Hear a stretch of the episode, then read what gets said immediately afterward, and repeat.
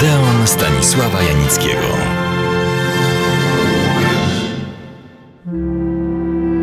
Szukałem ostatnio czegoś w spisie naszych Odeonów i ze zdumieniem spostrzegłem, że temat film science fiction, czyli fantastyczno-naukowy, potraktowałem na przestrzeni tych prawie 11 lat po macoszemu. Wśród ponad 400 felietonów tylko trzy, dosłownie trzy, dotyczą tego w końcu atrakcyjnego gatunku. Co prawda, wybrałem te trzy przykłady trafnie. Pierwszym był pierwszy w dziejach dziesiątej muzy film fantastyczno-naukowy Podróż na Księżyc Georgesa Mélièsa z roku 1902. Siedem lat wcześniej dopiero kinematograf się narodził. Jest to fantastyczna opowieść o pierwszej wyprawie na naszego satelitę. O naukę się tylko lekko ociera. Panowie naukowcy lecą w strojach wyjściowych. Najważniejszym sprzętem, jaki mają ze sobą, są parasole. Powietrze jest na Księżycu takie jak w Paryżu. Największą atrakcją są przedziwni selenauci, oczywiście dzicy. Jednego z nich naukowcy przywożą jako trofeum ze sobą. Film jest pionierski i uroczy, ale z nauką nie ma nic wspólnego. Drugim filmem science fiction, obecnym już w Odeonie, jest jeszcze nieme dzieło Fritza Langa, znakomitego twórcy niemieckiego, Kobieta na Księżycu z 1928 roku. Tu widoczne są już postępy. Krajobraz przypomina księżycowy, a filmowcy wiedzieli, od znakomitych konsultantów, naukowców, na przykład o istnieniu nieważkości. Problem ten rozwiązali w sposób bardzo prosty. Otóż w statku kosmicznym, przypominającym nabój lub cygaro, rozmieścili uchwyty, takie jak stosowane są w tramwajach i autobusach, zresztą po dziś dzień.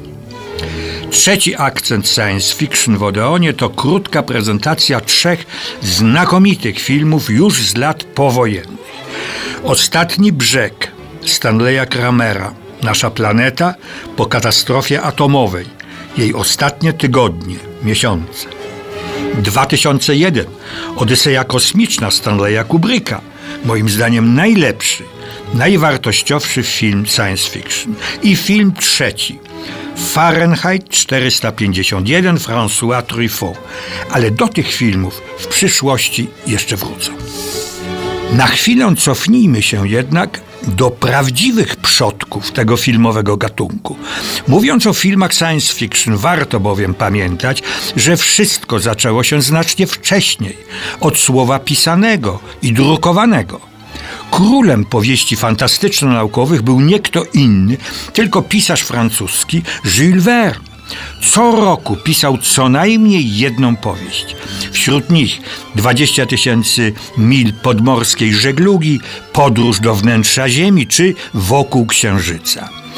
Verne był urodzonym i praktykującym optymistą. Święcie wierzył w człowieka, w jego bezgraniczne możliwości, w to, że nauka odkryje i rozwiąże wszystkie tajemnice i zagadki świata. Zupełnie innego zdania był Anglik Herbert Wells. Widział niebezpieczeństwa, jakie przynosi ze sobą nauka. Był wręcz katastrofistą.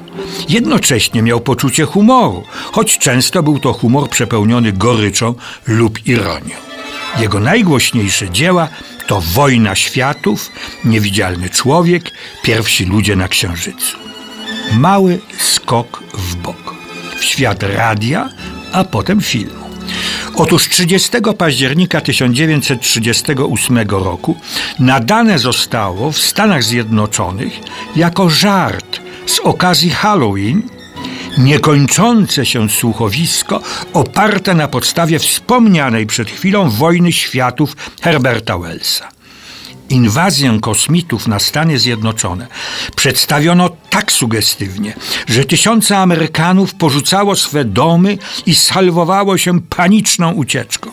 mimo że nadawano komunikaty, że to fikcja, adaptacja znanej powieści. Twórcą tego niezwykłego słuchowiska był młody reżyser i aktor teatralny i radiowy Orson Welles. Wytwórnia hollywoodzka RKO, widząc jego niesamowitą moc oddziaływania na widzów, umożliwiła mu debiut filmowy. Tym debiutem był Obywatel Kane, jedno z największych i najwspanialszych dzieł sztuki filmowej. W Stanach Zjednoczonych zaczęła masowo powstawać popularna literatura science fiction. Ten gatunek zyskał sobie bardzo szybko prawo obywatelstwa. Na jego rozwój wpłynął walnie, szczególnie po II wojnie światowej, szybki i efektowny rozwój techniki. Nowe, rewolucjonizujące życie wynalazki. Diapazon był szeroki. Od rozbicia atomu po rozwój kosmonautyki. Dwa słowa o naszym polskim wkładzie w rozwój gatunku science fiction. Na przełomie XIX i XX wieku prekursorem był Jerzy Żuławski, autor pionierskiej i oryginalnej trylogii księżycowej na Srebrnym Globie, Zwycięzca i Stara Ziemia. Znowu mały odskok. Wnukiem stryjecznym Jerzego Żuławskiego był Andrzej Żuławski, znany pisarz, ale przede wszystkim reżyser filmowy.